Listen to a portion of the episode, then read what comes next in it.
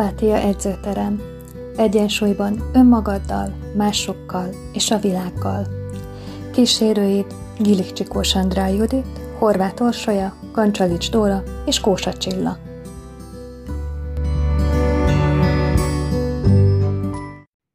Sziasztok! Köszöntünk mindenkit nagy szeretettel az Empátia Edzőterem mai kedvesi beszélgetések sorozatnak a mai adásában. A Mostani témánk a gátló parancsok és az előírások lesz.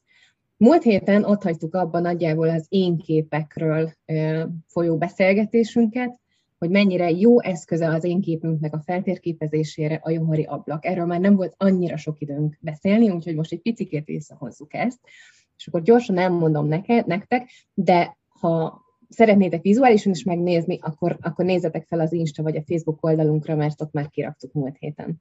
Tehát a Johari ablak négy különböző halmazt különböztet meg, az, hogy én mit tudok magamról, vagy én tudom magamról, én nem tudom magamról, a világ tudja rólam, és a világ nem tudja rólam. Így tehát az, az a halmaz, amit én tudok magamról, és a világ is tud rólam, az a nyílt terület. Arról van egy közös tudásunk, az az, ahogy én jellemzem magam, és valószínűleg mások is úgy jellemeznek engem. Az a terület, amit én tudok magamról, de a világ nem tud, ez a rejtett terület, amit én nem tudok magamról, viszont a világ tud, ez az én vakfoltom, és amit se a világ nem tud, se én nem tudok magamról, ez az ismeretlen, ez a tudattalan rész. Ugye annyit még említettünk múltkor, hogy az lenne a cél az én képünknek az erősítésére és fejlesztésére, hogy ezt a nyílt területet, ezt minél inkább tágítsuk. És kettő irányba tudjuk ezt tágítani, ugye vagy az, hogy én nekem nagyobb tudásom lesz arról, amit a világ tud rólam, tehát visszajelzéseket kérek, és meghallom azt, hogy engem, engem hogy látnak és hogy jellemeznek a, az ismerősök, itt talán egy fontos pont, hogy ezt, ezt jó ezt a visszajelzést egy ilyen biztonságos közegben kérni, vagy mondjuk egy terápiás folyamatban ezt behozni, ahol ezekkel a visszajelzésekkel fogok tudni mit kezdeni, és jól fogom tudni beépíteni a, a saját én képembe, és nem megyünk félre. És a másik pedig az, hogy egyszerűen én tágítom azt a képet, amit én látok magamról, és itt megint csak ezt jellemzően önismerettel lehet megtenni, amihez, amihez most is kihangsúlyoznám, vagy kihangsúlyozzuk, hogy, hogy mindenképpen szerencsés, hogyha ezt kíséri egy szakember valamilyen úton módon. De amivel most fogunk foglalkozni, az ez a negyedik terület, a tudattalannak a területe, amit se én nem tudok magamról, se a világ nem tud rólam. Ebben a területben, ezen a területen sok olyan kiskorban megélt üzenet raktározódik, amik befolyásolják a mai cselekvésünket is, és a mai viszonyulásunkat is önmagunkhoz vagy a világhoz. Ezeket gátló parancsoknak vagy előírásoknak használjuk most, vagy ezt a terminológiát használjuk, ami a tranzakcióanalízisből jön. Az a tranzakcióanalízis egy, egy, egy nagyon komplex és nagyon tág megközelítés, aminek nagyon érdemes utána nézni, de röviden csak annyit mondanék, hogy Erik Berne nevéhez kötődik, és amit talán ismerhetünk belőle, vagy jobban benne van a, a köznyelvünkben is, azok az én állapotok, így a, a szülői, a felnőtt és a gyermek én állapotok, valamint a játszmák, amiknek a feloldása és aminek a kezelése e, nagyban függ attól, hogy ezekkel az én állapotokkal tisztában vagyunk. Szóval csak ennyit mondanék a, a, a tranzakcionalizisről, e, és most nem is ezekről az én állapotokról fogunk beszélgetni, hanem a sorskönyvről. A sorskönyvet úgy kell elképzelni nagyjából, mint egy fix forgatókönyv az életünkben, mint hogyha minden sorozat résznél, minden epizódnak nagyjából ugyanaz lenne a csattanója, vagy ugyanaz lenne a vége. Biztos emlékszünk még páran, szóljatok lányok, hogy emlékeztek a Magnumra, vagy a Night Riderre, mondjuk. Szóval, hogy abban is az volt, hogy valahogy minden rész arról szólt, hogy van egy teljesen különböző ügy, de mégiscsak van benne egy szép hölgy, és minden rész végén össze tudtak jönni, és szerelem volt, és egy epizód végén ugyanaz a boldogság csattant ki így az egészen. Tehát, hogy hasonlóan szerepelnek ezek a sorskönyvek, hát nem mindig ennyire boldog, boldog véggel, és pont ezekkel a gátló parancsokkal fogunk foglalkozni, aminek általában tiltások a lényege, és azt a célt szolgálják ezek, hogy ránézzünk, hogy milyen gátló parancsok mentén éljük az életünket, hogy felfedezzük, hogy tudjunk vele a felnőtt életünkben kezdeni valamit, le tudjuk tenni ezeket. Gyorsan még az elején megemlítem, hogy, hogy kikhez fűződnek ezek a, ezek a mondatok, amiket most hallani fogtok tőlünk, mert tényleg nagyon sokat merítettünk a szakirodalomból, úgyhogy Erik Bernét már mondtam, F. Párkonyi Zsuzsától is nagyon sok mindent hozunk a tranzakcióanalízis témájában. Virtalan Balástól is, valamint ebből a könyvből is, ezt megmutatom, Úrich és Renate Déner szerzőktől is hozunk, hozunk sok mindent. Mm.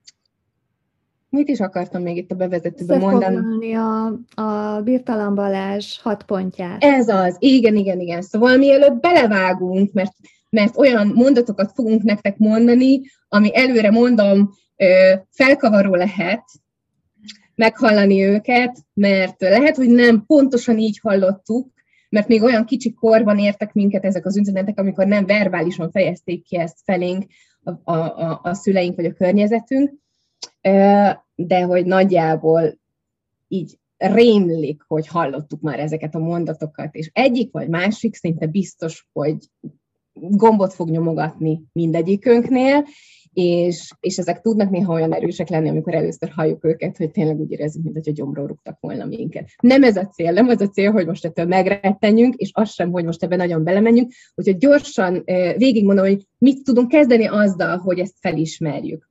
Tehát az első pont, ez Birtalan Balázs szedte össze, és szerintem nagyon szépen végigvezeti. Az első pont, hogy fel kell ismernünk, hogy az életünknek az egyik irányítója, ez a bizonyos gátlóparancs, amit most lehetőségünk nyílik megismerni.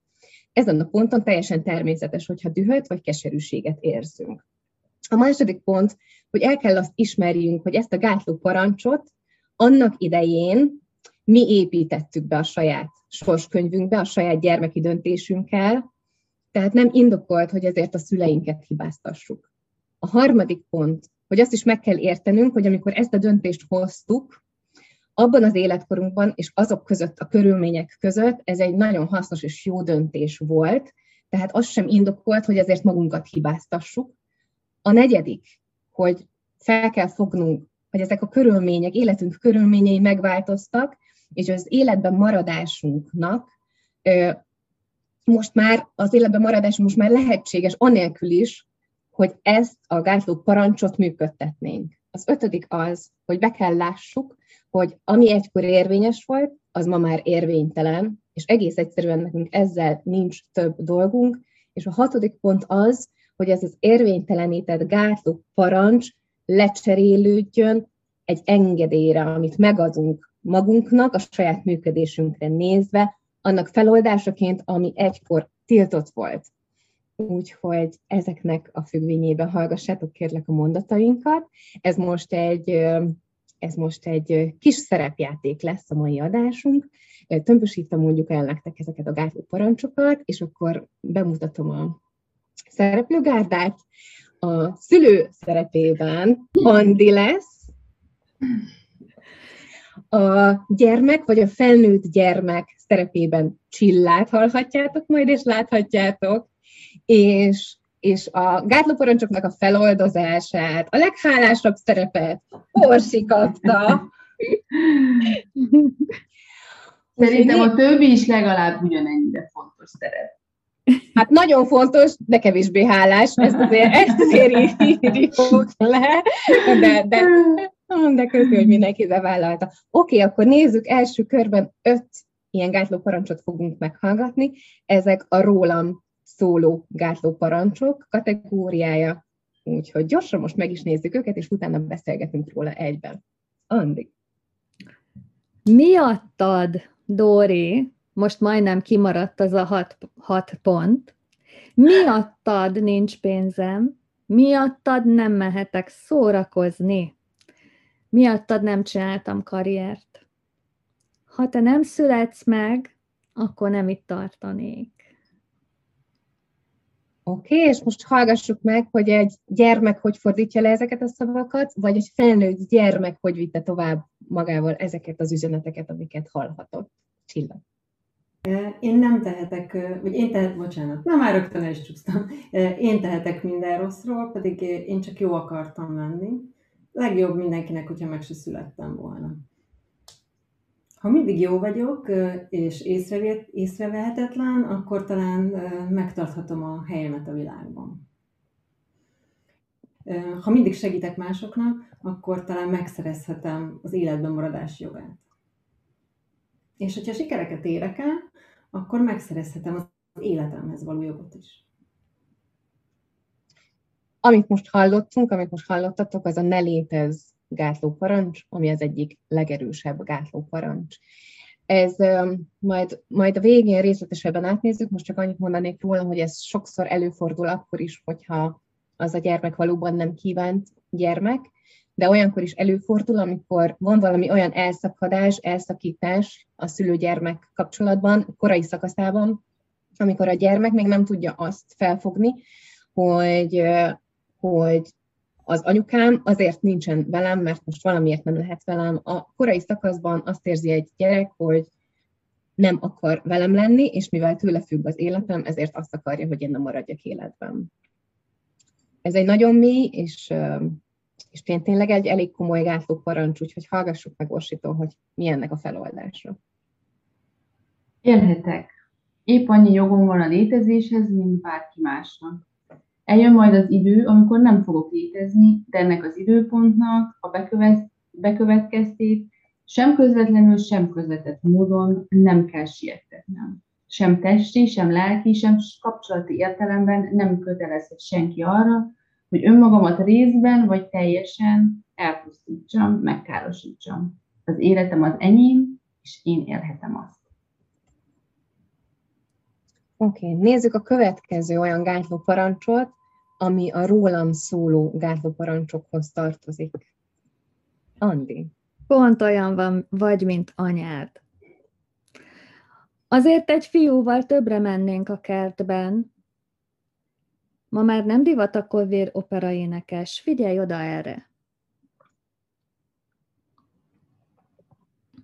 Igen, és akkor a válaszok, amiket egy, egy gyermek vagy egy felnőtt gyermek hordoz magában? Nem tudom, hogy valójában mit akarok, és mi is a dolgom az életben. Mindig azt csináltam, amit úgy éreztem, hogy kellene, mégsem vagyok boldog tőle. Amit most hallottunk, az a ne légy önmagad gátló parancs. És itt azt üzeni a szülő a gyermek számára, hogy a gyermeknek az adottságai valamiért számára elfogadhatatlanok. Itt nagyon gyakori, hogy mondjuk nemi probléma van, vagy igazából bármilyen belső tulajdonság is lehet az, amire az a válasz érkezik, hogy te így nem vagy elfogadható ezekkel az adottságokkal számomra. És most hallgassuk meg Orsitól, hogy mi ennek a feloldása. Az vagyok, aki és ami vagyok, és ez így van jól. Lehetnek ugyan tulajdonságaim, amelyeken szeretnék változtatni, de alapvetően úgy vagyok jó és értékes, ahogy vagyok. Ezzel a nemmel, ezzel a külsővel, ezzel a személyiséggel, ezekkel a képességekkel. Mást minden bizonyal másként oké. Okay. Én így vagyok az. Köszönöm. Hallgassuk meg a harmadik gátló parancsot, ami a rólam szóló kategóriába tartozik. Andi. Ott, ott kimentél a vonalból. Az ég nem lehet zöld. Ennél már több eszed lehetne. Ne bohóckodj, ne add a fejed. Hallgassuk meg, hogy ezt egy gyermek hogy érti, vagy egy felnőtt gyermek hogy vitte magával. Rám mindig lehet számítani. Sosem vagyok olyan fáradt, hogy ne férne még bele, hogy még megcsináljam, amit vállaltam. Szívesen átveszem a felelősséget, és gondoskodom mindenkivel. Amit most hallottunk, az a ne légy gyerek gátló parancs. Ez általában akkor alakul ki, amikor a gyereknek a válaszaira a szülőtől egy még gyerekebb válaszreakció érkezik. Ilyenkor a gyerek azt érzi, hogy arra nagyon kevés esély van, hogy az ő szülője szülőként vagy felnőttként viselkedjen, és ilyenkor nagyon hamar megtanulja azt a gyerek, hogy akkor neki kell felnőnie. Hallgassuk meg, hogy ennek a gátlóparancsnak, a ne légy gyerek gátlóparancsnak mi lehet a feloldása. Szabad olykor tökéletlennek és tudatlannak lennem. Nem kötelező minden helyzetben maximális teljesítményt produkálnom. Megélhetem a gyermekét, szabadságát és örömét. Szabad félretennem a tudatosságot, célszerűséget és felelősséget. Szabad önfeledten, céltalanul játszanom. Hallgassuk meg a negyediket, ami még mindig a rólam szóló gátló parancsok közé tartozik, Andi. Maradj csendben. Téged ki kérdezett? Szerinted csak te létezel ebben a családban? Na, majd pont te mondod meg, hogy mit csináljak. Sajnálom, fiam, nem érdekelsz. Hallgassuk meg azt, hogy egy gyermek hogy érzi magát ettől, mit viszel magával. Lehet, hogy láthatatlan vagyok. Legjobb, ha észrevétlen maradok.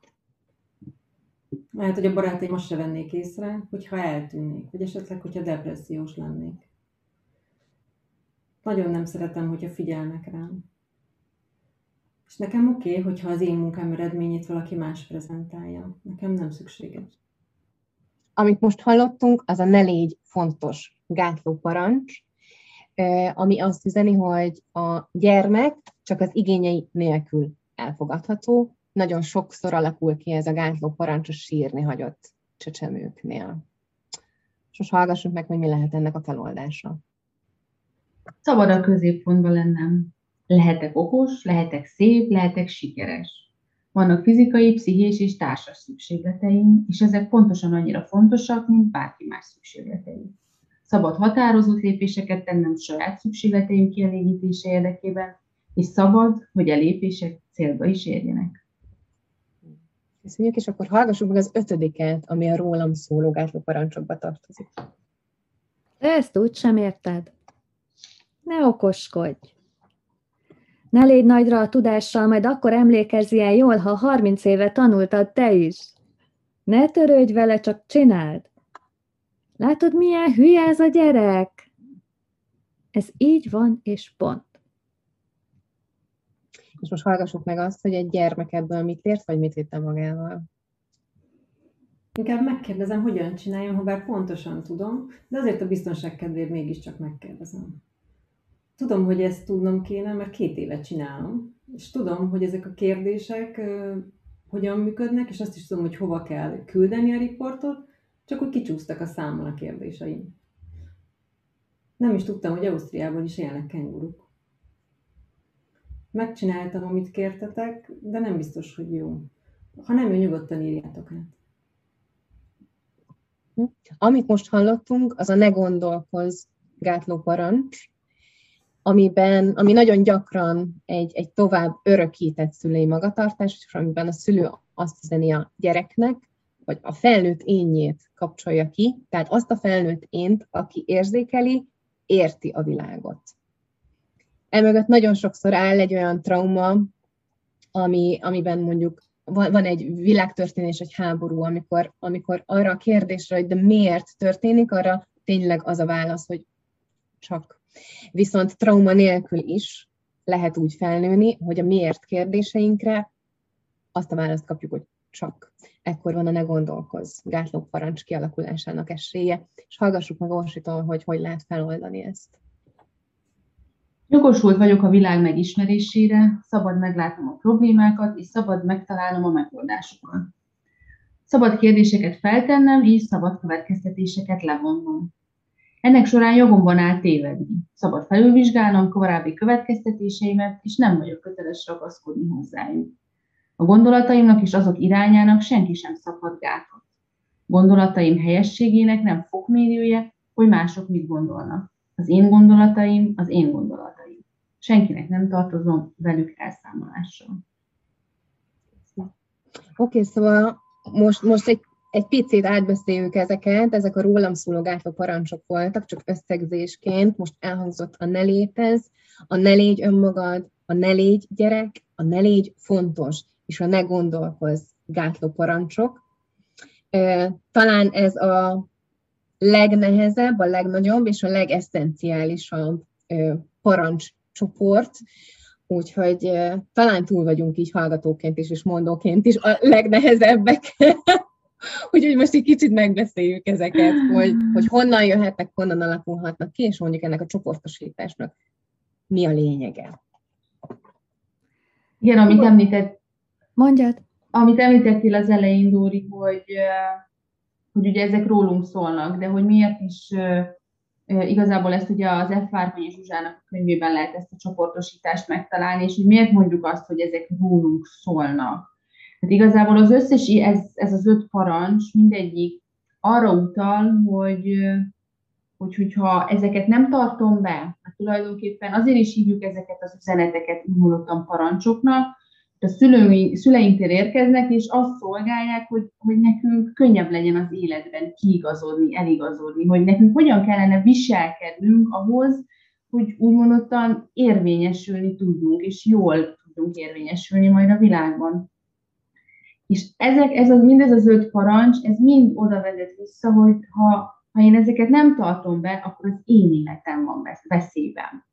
Tehát ezért szólnak ezek a gátló parancsok igazából rólunk, és, és ezek a, ez az öt az, amit leginkább sajátunként élünk meg, és még egy picikét se tudjuk ezeket a gátló parancsokat úgymondottan eltávolítani az énünktől, és akár úgymondottan az én képünktől, ha már ugye visszautaltunk az előző heti adásunkra is, is annak témájára. Igen, szóval nagyon eszenciálisan a létezésünket fenyegető, vagy a létezésünket befolyásoló gátló parancsokról van szó. Igen, és Igen. elég nehéz volt. Tehát azt nem gondoltam egyébként, hogy uh, olvasni könnyebb, mint felolvasni. Igen. És, uh, és bele, bele helyezkedni ebbe a, a szerepbe, de úgy hallottam, Csillának sem volt könnyebb. szóval, hogy igen, ezek talán a többi is, de ezek azok, amelyek talán a legesleges legmélyebbre és a, a legesleg mélyebb énünket szólítják meg. Uh-huh. Nekem, ami ennél, ennél a blokknál sokszor eszembe jutott, az az, hogy, hogy ugye több, és ez a többinél is így lesz, hogy, hogy sok olyan gátló parancs van, ami generációkon át van, örökített, öröklődő. Ezekkel, szóval ezekkel a mostani életünkben leszámolni, letenni, ezeket elég nagy feladat, mert tényleg nem csak a saját életemben, hanem egy generációs örökséget kell megváltoztatni. Úgyhogy ennél a ponton nekem, nekem abszolút a családállítás módszertana jár a fejemben, ami, ami az én tapasztalatom szerint ezeket könnyebben oldja, vagy kioldja. És a másik módszertan, ami, ami nagyon gyakran eszembe jutott ezeknél, a belső gyermekmunka.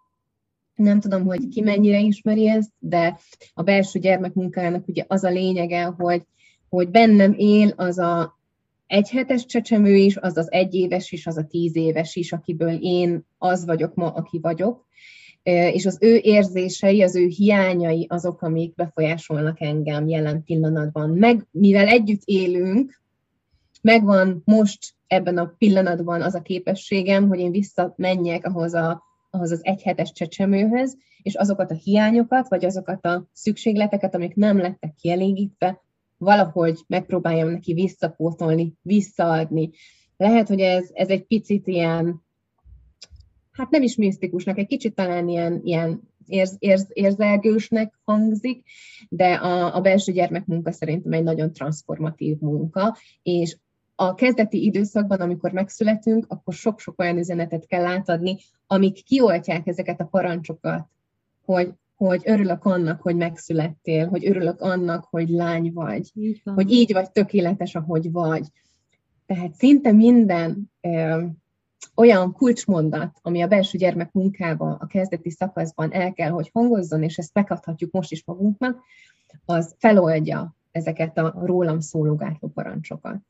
Igen, a kineziológiában is dolgozunk, ugye a, a, a belső gyermekkel, ha nem is így hívjuk, uh-huh de hogy a módszertan ugyanaz, hogy, hogy menjünk oda saját magunkhoz, és a mostani tudásunkkal adjunk meg mindent annak a, annak a gyermeknek, aki ott valamit átélt, illetve érdekes, hogy, hogy pont azt említetted, hogy, hogy örülök, hogy lány vagy, mert ugye legtöbbször, legtöbbször, főleg ha első gyerek, akkor fiút várnak a szülők, és nehéz nehéz megállni a helyünket első gyerekként ebben a, ha családállítást nézzük, vagy a család születési sorrendet, hogy az első fiú, a második lány, a harmadik mindegy, és így tovább.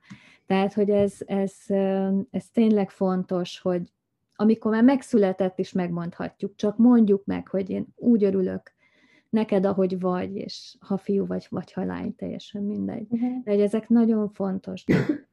Igen, és amit most mondasz, ebben nekem az is kihangosodott, hogy ezeknek nagyon nagy része társadalmi vélekedés. És Igen. az is előfordulhat, hogy a szülő, a, amikor, amikor megfoganna a, a, a gyerek, ezeket nem vallja, de mivel annyira benne van a világunkban, hogy ezt már délután is kerestem, hogy ez hogy van pontosan, hogy van, van egy gyerekem, és van még két lányom. Ezt igen, hogy... úgy van, igen, igen, igen, igen. Igen, és, igen. Szóval, hogy, hogy ezeknek a nagy része nem is biztos, hogy a szülőből jön, csak egy ilyen világban élünk, és valamelyest szivárog belénk is. És ez nagyon fontos az összes gátló parancsnál, hogy nem kell, hogy ezeket a szavakat halljuk, elég az, hogyha ugye ez gondolati szinten, érzés szinten átfut a, a, a szülőn, bármelyik élettakaszunkban, akár magzati, akár kisgyermekkorunkban is. Szóval nagyon nagy része lehet társadalmi is, ezért tényleg nem kell, hogy a szüleinket okoljuk, okoljuk bármelyikért is, csak ezt akartam hozzárakni, hogy igen. Ne, nekem is a pont ez, igen, ez a társadalmi mi volt, hogy jutott eszembe, és e- erről a, ugye, hogy mondjuk egy, egy gyermek neme mennyire fontos tud lenni, ugye talán a mi társadalmunkban ez így jelenik meg, amit most itt mondtunk, hogy talán így találkozunk vele, hogy, hogy, hogy az egyik gyerek, a másik meg lány, és, és talán idézőjelben mondom, hogy ennél rosszabb nem történik, de ugye tudjuk, hogy léteznek olyan társadalmak, ahol mondjuk például, na most nem akarok butaságot mondani, de talán Kínában, vagy, de valamelyik ázsiai országban van az, hogy ugye nagyon sokáig csak fiú, ugye? Uh-huh.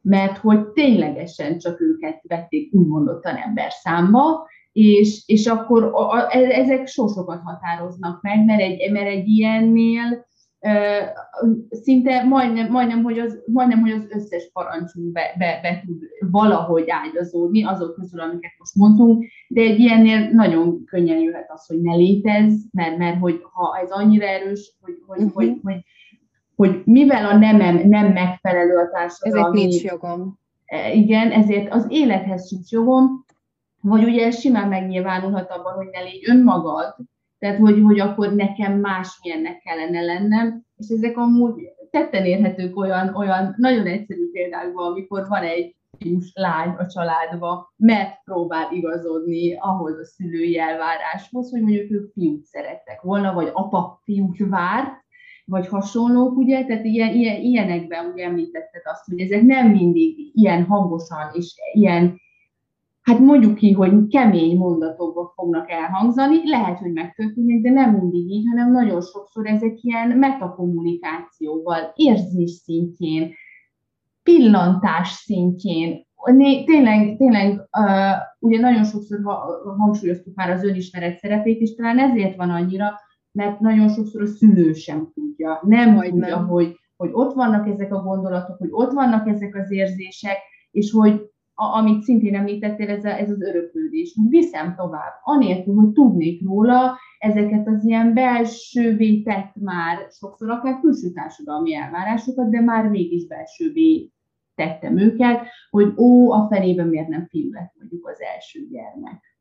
Igen, és egyébként ez nekem még menet közben, amikor olvastuk fel egyrészt ezeket, és ugye most így ti is mondtátok sorban, ami nekem egy ilyen érdekesség pluszban, hogy meg, meg is fogalmazódott bennem, de hogy ez valós is, hogy ez az első öt parancs, ez a rólam szóló, ez, ahogy mondtad is, Dóri, nem mindig verbálisan jelenik meg, sőt, nekem sokkal inkább az összeshez kapcsolódik a magzatikor, vagy a pici csecsemőkor, amikor nem, a nem szavakból, mint ahogy mi így elmondtuk, és ott rakódnak le ezek a fajta megértések. És valahogy azt érzem jobbnak, hogy ezek a rólam szólók, ezek nagy részt ott rakódnak. Mert később ugye majd amikor lesz a verbális, akkor kicsit másabbra tudjuk kapcsolni, mint ahogy majd nem sokára szó lesz a többi részéről is. A rólam szóló, az pici magzati korban, mint fiú vagy lány, egyéb, hogy vártam vagy nem vártam a gyereket, vagy egyébként Így van.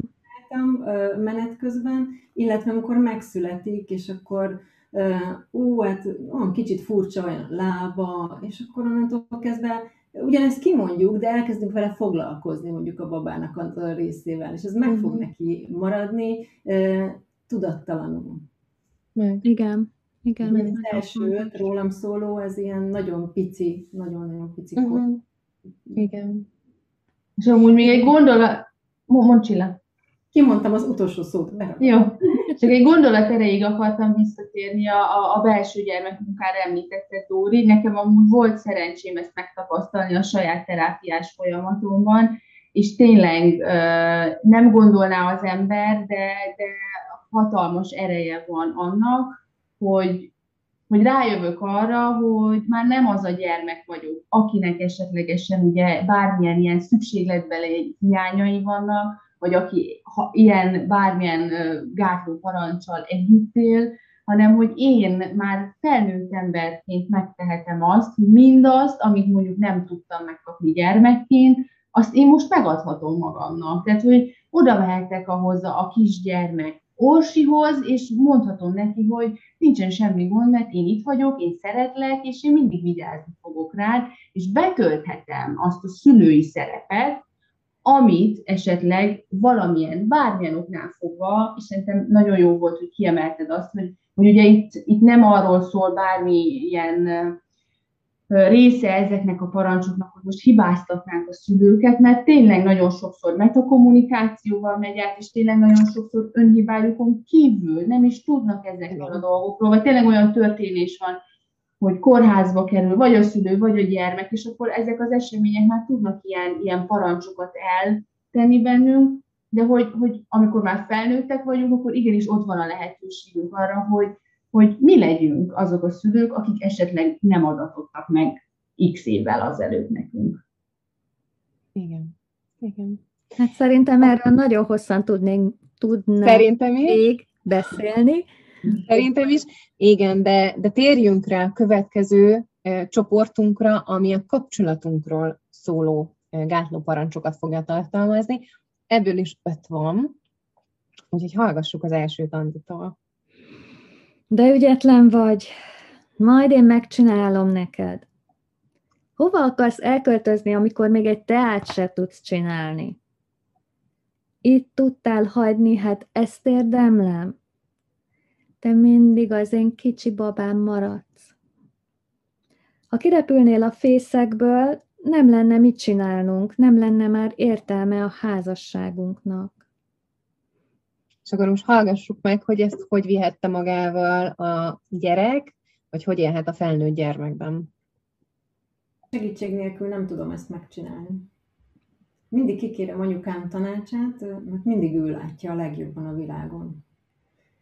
Ezt ki fogja leellenőrizni? Ezt ki fogja jóvá hagyni? Nem világos, hogy most mit kéne csinálnom, hogy mi az én feladatom, és egyáltalán hogy csináljam. Amit most hallottunk, az a ne nőj fel gátló parancs volt. Ez leggyakrabban akkor alakul ki, amikor a szülőknek a legfontosabb én értelmező szerepe a világban a szülőség.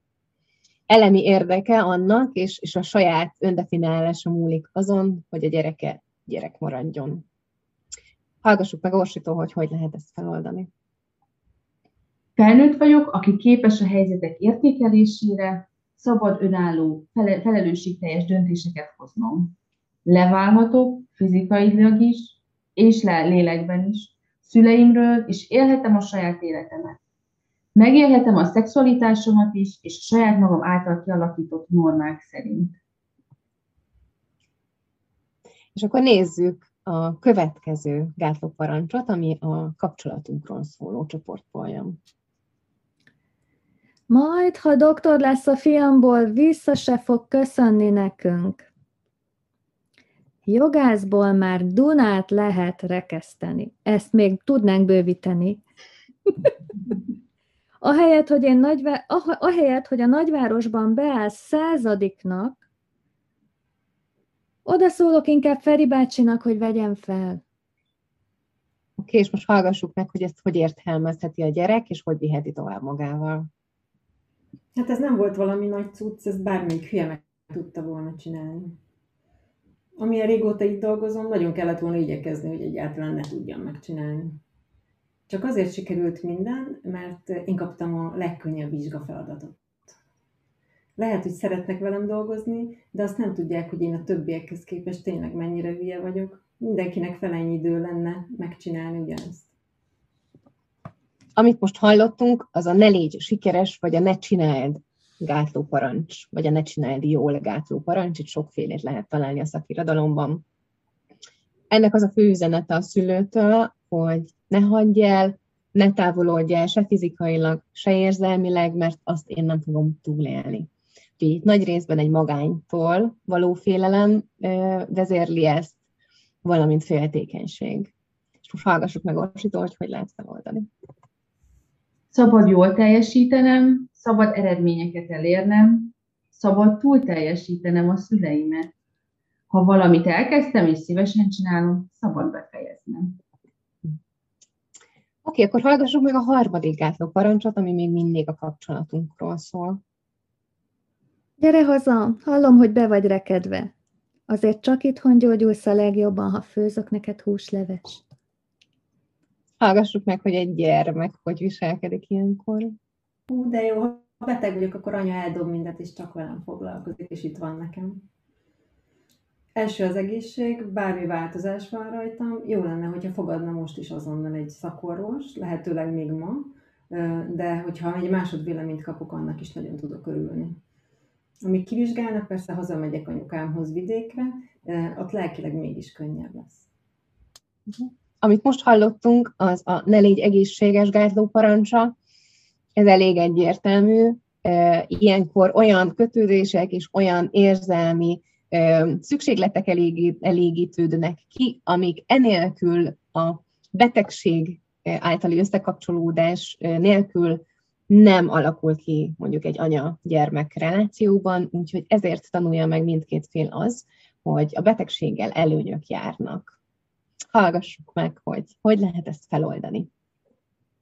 Nincs szükségem arra, hogy testi vagy lelki tünetekkel hívjam fel magamra a figyelmet. Jogosult vagyok figyelmet, szeretetet és törődést kapni, akkor is, ha nem lógok ki a sorból. Szabad ugyan kitűnöm, de szabad hasonlítanom is másokra. Szabad testileg és lelkileg egészséges életet élnem. Oké, okay, nézzük meg a negyedik gátló parancsot, még mindig a kapcsolatunkról szólóak közül. Menj odébb! Mit nyúkálsz folyton? Ne lógjál már folyton rajtam! Nekem nem magyaráz, csináld és kész. Oké, okay, hallgassuk meg, hogy egy gyerek ebből mit ért, és hogyan viszi el magával. Akkor jön, végre jön a hétvége, és együtt lehetünk tudni, hogy össze fogunk veszni, és duzzogba telik az egész hétvége. Nekem nem annyira ideális a távkap... Ja, nekem annyira ideális a távkapcsolatban élni, és hogy havonta csak egyszer találkozunk, hogy utána mindenki megy a saját kis kuckójába, és ez így kényelmes. Uh-huh. Amit most hallottunk, az a ne légy közel, ne bíz gátló parancs. Itt, itt nagyon sokban hozzák ezt otthonról, a férfiak általában egy picit ezt jobban művelik, tehát hogy gyakrabban adják a gyermeküknek. De ez mind, mindkét szülőnél kialakulhat, itt lelki és fizikai távolságot is tartanak, úgyhogy itt jellemzően intimitásbeli problémákat tud okozni ez a gátló parancs, és akkor hallgassuk meg, hogy mi lehet ennek a feloldása. Szabad intim kapcsolatokat kialakítanom. Bárkivel való kapcsolatomban dönthetek úgy, hogy a bizalmat, a jóhiszeműséget, a nyílt kommunikációt, a szükségleteim és érzéseim felvállalását választom. Szuper, és akkor hallgassuk meg az utolsó gátló parancsot, a kapcsolatunkról szólóak közül. Ugyan már, katona dolog. Kisfiúk nem sírnak. Ne nyafogj már mindenen. Olyan mimóza lelked van. Ne hisztízz itt nekem. Semmi okod rá, hogy így viselkedj. Van még? Menj a szobádba, és akkor gyere ki, ha megnyugodtál. Igen. És akkor hallgassuk meg, hogy hogy érzi ettől magát egy gyermek, és mit visz magával. Egy munkahely nem arra való, hogy arról picsogjunk, hogy ki hogy érzi magát. Én nem a lelket simogatására vagyok itt, hanem tud, hogy mi a dolgod. Uh-huh. Amit most hallottunk, az a ne érez gátló parancs, ez általában akkor alakul ki, amikor a szülő számára az érzések, vagy egy-egy kiragadott érzés, ijesztő, kellemetlen, félelmet keltő, bármi, nem kezelhető, és ezáltal az az érzés tiltott lesz. Ez, hogyha eszkalálódik, általában pedig tényleg eszkalálódik, hogyha nem elérhetőek bizonyos érzések, vagy úgy általában az érzések a gyerekeknek, akkor már nem csak arról lesz szó, hogy nem tudja kifejezni őket, vagy nem tudja azt az egyet megélni, hanem hogy már korábban kialakul ez a, ez a gátlás benne, és már el sem érz, éri az érzéseit. Hallgassuk meg Orsiton, hogy hogy lehet feloldani ezt. Lehetnek érzéseim, és szabad őket kifejeznem. Ha bármilyen szükségletem kielégül, szabad jól éreznem magam, és szabad örülnöm. Ha nem elégül ki, szabad magam rosszul éreznem. Lehetek szomorú a múlt miatt, érezhetek haragot a jelenben, illetve félhetek a jövőtől. Az érzéseim nem helyesek vagy helytelenek. Az érzéseim vannak, és az enyémek. Ahogy gondolataimmal, úgy velük sem tartozom elszámolással senkinek. Szabad teljes mélységükben megélnem az érzéseimet, és egyedül én döntök afelől, hogy az aktuális érzésemet kielőtt fejezem ki, és milyen mértékben. Oké, okay, szóval amit most hallottunk, azok a kapcsolatunkról szóló gátló parancsok voltak, összefoglalva, most ezeket vettük át, hogy ne nőj fel, ne légy sikeres, ne csináld, ne légy egészséges, ne légy közel, ne bíz, és ne érez. És az, hogy ez a csoportosítás miért jött létre, azt is most gyorsan megbeszéljük. Igen, ahogy mondtuk azt, hogy az előző ötös kis csoport ugye rólunk szólt, ez olyan tekintetben szól a kapcsolatunkról, hogy itt a fókusz már nem a mi létezésünkről és a mi túlélésünkről szól, hanem arról, hogy az a valaki, akivel mi kapcsolatban vagyunk, hogy az ő túlélésével mi történik. Tehát ez esetben ugye megint visszatér oda, hogy szülők adják nekünk át ezeket az üzeneteket, itt arról van szó, hogy anya vagy apa és az ő szeretete, és az a szeretet, amit tőlük kapunk, az túléle, tehát ilyen szempontból forognak ezek a gátló parancsok ugye a kapcsolatunk körül. Úgyhogy ilyen szempontból már nem annyira közeliek hozzánk, mint az előző ötös csoport, mert itt már tényleg maga a szülő is egy fokkal jobban felvállalja azt, hogy ezek a gátló parancsok, amiket továbbad, ez róla szól, nem pedig ugye arról, aki ezeket meg és igen, ezt a fontos felismerni nekünk, akik kapjuk mondjuk, vagy felismerjük magunkban, hogy ezek soha nem rólunk szólnak, hanem arról, aki mondta, és hogy ne úgy vegyük magunkra, hogy, hogy ezt mi okozzuk, mint ugye az elején a miattadnál, uh-huh. a leg, amivel kezdtük, hanem, hanem hogy ez abszolút róla szól. És, és nagyon szépen megfogalmazta itt az utolsó, ne, ne éreznél az engedélyeknél a, az, e, az erőszakmentes kommunikációnak az alapvető, alapvetését, hogy a saját érzéseimért és szükségleteimért csak én vagyok a felelős, és csak a sajátjaimért vagyok felelős, de a másikért nem, azért ő a felelős. Tehát, hogy ez itt nagyon szépen rá, rávezetett. És én még... Bocsánat, ugye az az érdekessége ennek, hogy Ugye ez a nem rólam, hanem ugye inkább a másiknak az állapotáról, ő állapotáról szól, és talán adhat egy ilyen felmentést is, mert ugye hajlamosak vagyunk belecsúszni abba, hogy akkor elkezdjük hibáztatni a szülőket, hogy már ezt mondták ránk, vagy azt mondták, de hogyha már azt figyelem, azt veszem észre, hogy ez valójában az ő léte volt, az ő, ő belőle indult köző érzéseiből, akkor nem hibáztathatunk valaki mást, hogy ő úgy érez. Mi sem szeretjük, ha minket hibáztatnak, és Igen a saját érzésünkért, mert jogunk van érezni, hogy szeretnénk, és ugye neki is volt joga úgy érezni, ahogy szeretne. Uh-huh. És szerintem nagyon jó, hogy most az érzéseknél maradtunk, mert szerintem ez az a gátló parancs, ami a leggyakrabban óhatatlanul is sérül, hiszen az egy olyan kései fejlődési szakasz, amikor az érzéseinket megtanuljuk kifejezni, megtanuljuk, hogy melyik mit jelent, hogy erre olyan válaszokat kapjunk a szülőktől, amitől megtanulom azt, hogy én most ö, mit élek meg, hogy ebben a tanulási szakaszban szinte biztos, hogy lesznek olyan érzéseim, amivel nem tudnak akkor éppen mit kezdeni, vagy amire nem feltétlenül jól válaszolnak egyből a szülők, mint ahogy mondjuk a kisbaba sírását is meg kell tanulni mindkét félnek, a szülőnek is, és a gyermeknek is, hogy mi mit jelent, hogyan kommunikálunk erről. És attól, hogy ez egy teljesen természetes tanulási folyamat az érzéseinknél, nagyon gyakran tapasztalhatjuk azt felnőtt korunkban is, hogy egy-egy érzéssel kapcsolatban, egy-egy érzés mondjuk kevésbé érzünk, vagy kevésbé tudjuk azt definiálni, hogy én most dühös vagyok, vagy én most szomorú vagyok, vagy én most visszahúzottam, és hogy lesz néha egy-egy ilyen dominánsabb érzés, amit mondjuk a negatív dolgok megélésekor én produkálok és megélek. Úgyhogy szerintem az, hogy az érzéseinket felnőtt korban is minél pontosabban meg tudjuk határozni, az én azt gondolom, hogy szinte mindenkinek van ezzel dolga és feladata. A magam nevében biztos, hogy tudok beszélni, nekem biztos, hogy, biztos, hogy volt, hogy mélyebben és pontosabban ér, érjem el a saját érzéseimet.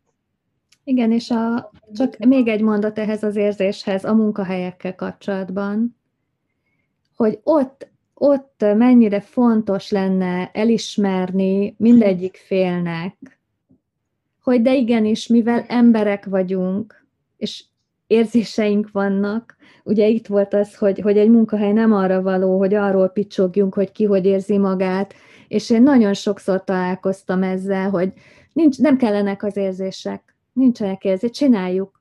Feladat uh-huh. van, ne, nem kell ezen, hogy most túlóra, nem túlóra, meg hogy most uh-huh. jól vagy nem vagy jól. Uh-huh. Pedig ez az a legfontosabb, hogy az a munkavállaló, vagy az a, az a főnök, aki, vagy az a vezető, fogalmazzunk inkább így, fel tudja ismerni akár, tehát mind a két oldalról a, uh-huh. a beosztottjának, hogy mire van szüksége, vagy ő neki mire van szüksége, Úgyhogy ez nagyon fontos. Szerintem a munkahelyeken nagyon fontos, nagyon. Hogy, hogy ne csak számokként le, jelenjünk meg, meg, meg csak angolul jut eszembe, de létszámként, most uh-huh. meg, meg van magyarul, tehát, hogy csak egy, egy szám vagyunk abban a táblában, Excel táblában, hanem igenis érző emberek vagyunk, akiknek lehet jó, meg rossz napja, és, nem... és igen, és, és utolsó utáni pillanatban vagyunk, hogy erre ráébredjünk, hogy tényleg az, az ember a legnagyobb erőforrása egy cégnek, és hogy, és hogy az a teljesítményorientált robotikus működés, ami, ami egyre, évről évre egyre jobban eszkalálódik, az, az muszáj, hogy fordulóponthoz ére, érjen, mert mondjuk a kiégésnek már nem tud annyira le, lemenni a, a statisztikai száma, hogy, hogy hány éves koruktól vannak kiégve az emberek, olyan pusztulat ez, a, ez az érzelemmentesség a munkahelyeken. Igen. Tehát az nonsens, hogy, hogy most már 26 éves fiatalok is kiégettek legyenek a munkahelyen. Tény, tényleg szerintem megengedhetetlen ez a tendencia, úgyhogy De erről alá, hogy szabad érezni, szabad Igen. érezni. És erről Így. csináljunk egy következő adást. Jó, és akkor még gyorsan elmondjuk az utolsó blokkját a gátló parancsoknak. Ez a, ezek a világról szóló gátló parancsok. Úgyhogy hallgassuk meg Anditól az elsőt. Gyere le onnan! Jaj, ne nyújj semmihez! Hagyjad inkább a tányérokat, úgysem tudsz szépen megteríteni. Az anyák napi képeslaplán azért figyelhettél volna, hogy legalább most ne menjél ki a vonalból. Hát neked ehhez semmi tehetséged nincs, kisfiam akkor most hallgassuk meg, hogy egy gyermek ebből mit hall, és mit visz magával. Dönteni kockázatos, ezért légy szíves, kérlek, mondd meg, hogy mit csináljak. Te hogyan döntenél? Mi ehhez kis emberek vagyunk, hogy ezen változtatni tudjunk. Amit most hallottunk, az a ne csinálj semmit gátló parancsa, és itt említettem, hogy most a világról szóló gátló parancsokat fogjuk hallani, úgyhogy az értelmezése is ehhez kapcsolódik. Ez azt jelenti, hogy te kevés vagy a világhoz. Te ügyetlen vagy, te buta, te, te bármilyen negatív jelző, tehát, hogy te kevés vagy a világhoz. Hallgassuk meg, hogy hogy lehet ezt feloldani. Az életem a sajátom, szabad kockázatos döntéseket is hoznom. Sőt, szabad rossz döntéseket is hoznom. Amit akarok, megtehetem, és senki felé nem tartozom elszámolással. Kezdi. Most hallgassuk meg a másodikat, ami a világról szóló gátló parancsokba tartozik. Miért álltál szóba azzal a bácsival? Erről senkivel nem szabad beszélned. Hallgassuk meg, hogy egy gyerek mit viszel ebből magával. Őt nem ismerem közelről, és hogyha megosztom a véleményemet, akkor biztos ellenem fogja fordítani. Csak mi értjük meg egymást a csoportban, a többiek azok mind-mind kívülállóak.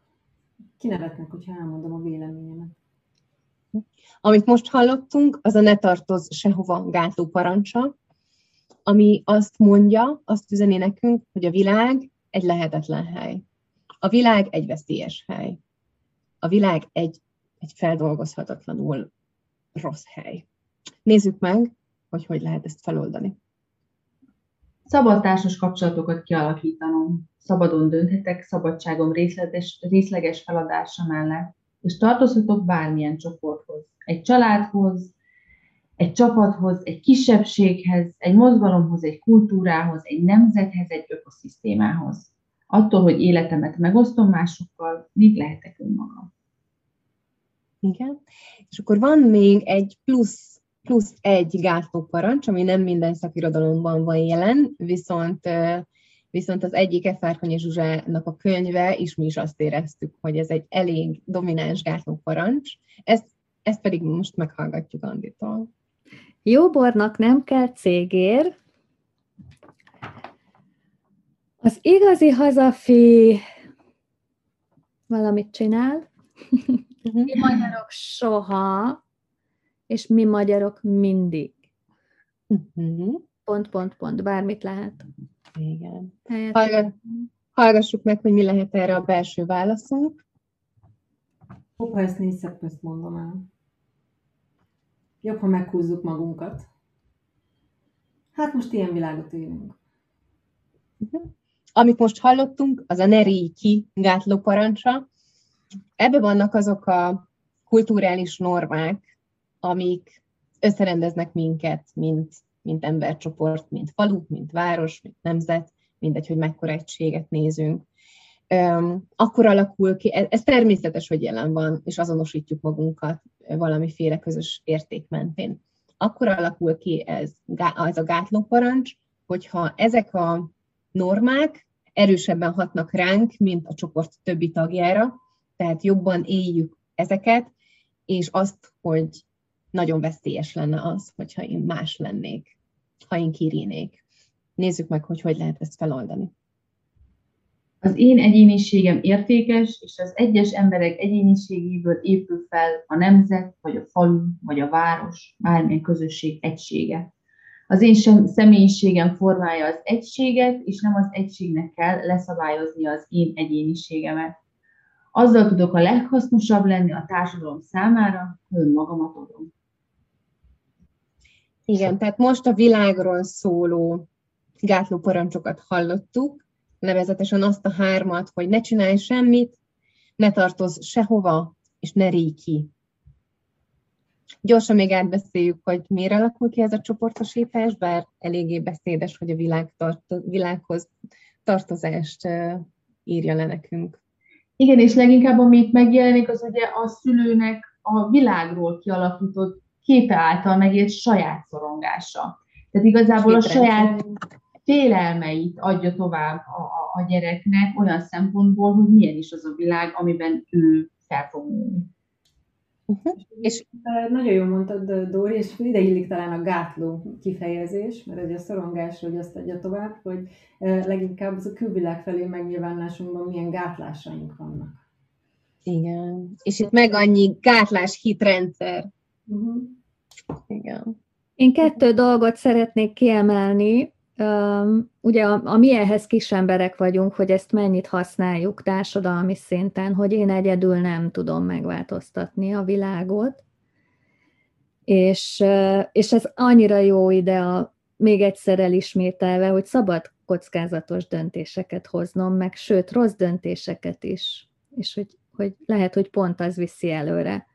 És a másik, ami szerintem nagyon-nagyon-nagyon fontos, és ez is külön adást érdemelne, de a ne tartos sehová nál az erről senkivel sem szabad beszélned.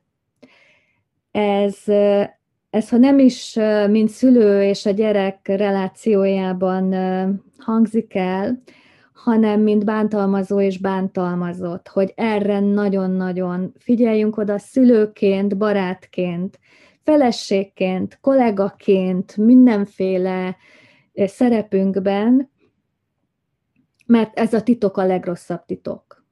Uh-huh. És, és ugye általában ez hangzik el, hogy ez a kettőnk titka, ez, erről nem szabad senkinek beszélned, erről ne beszélj. És, és ez, ez nem is a ne tartos sehova, tehát hogy itt tényleg azt kérdőjelezi meg, hogy nekem nekem milyen szabadságom van, és én mit tehetek, és mit nem. Uh-huh. Igen, itt leginkább ugye az történik, hogy pont mivel ugye a világról beszélünk, és egy külső dologról, ezért maximum, amiben megbízhatunk, hogy az a család. Tehát te azért ne vidd ki innen az információt, és semmit nem mondj el rólunk, mert az veszélyes. Ugye, mert minden, ami nem az a mi kis családi egységünk, az már veszélyt jelent. Uh-huh. És ez nagyon-nagyon nagyban gátolja például az előrelépést, a sikereket, hiszen hogyha az a világképünk van, akár egy munkahelyi környezetről is, vagy, vagy a nagyvilágról, hogy, hogy ott, ott, ott engem nem megtartanak, hanem rám veszély ö, leselkedik, akkor kevésbé fogok egyáltalán kimerészkedni tehát elvágom magam azoktól a lehetőségektől, amik engem sikerhez vagy boldoguláshoz vezetnének. Igen, ez nagyon sokszor szokott családi szinten megragadni, és, és a család tovább örökíti azt, hogy hát mi mindig csak, nekünk sose sikerült semmi, mi mindig csak megpróbáltuk meghúzni magunkat, és ez lett belőle. Igen. Oké. Okay. Most átvettük a gátló parancsokat, én ezt nagynak és teljesnek érzem ezt az adást, úgyhogy a másik részről, az előírásokról szerintem most nem beszélünk már.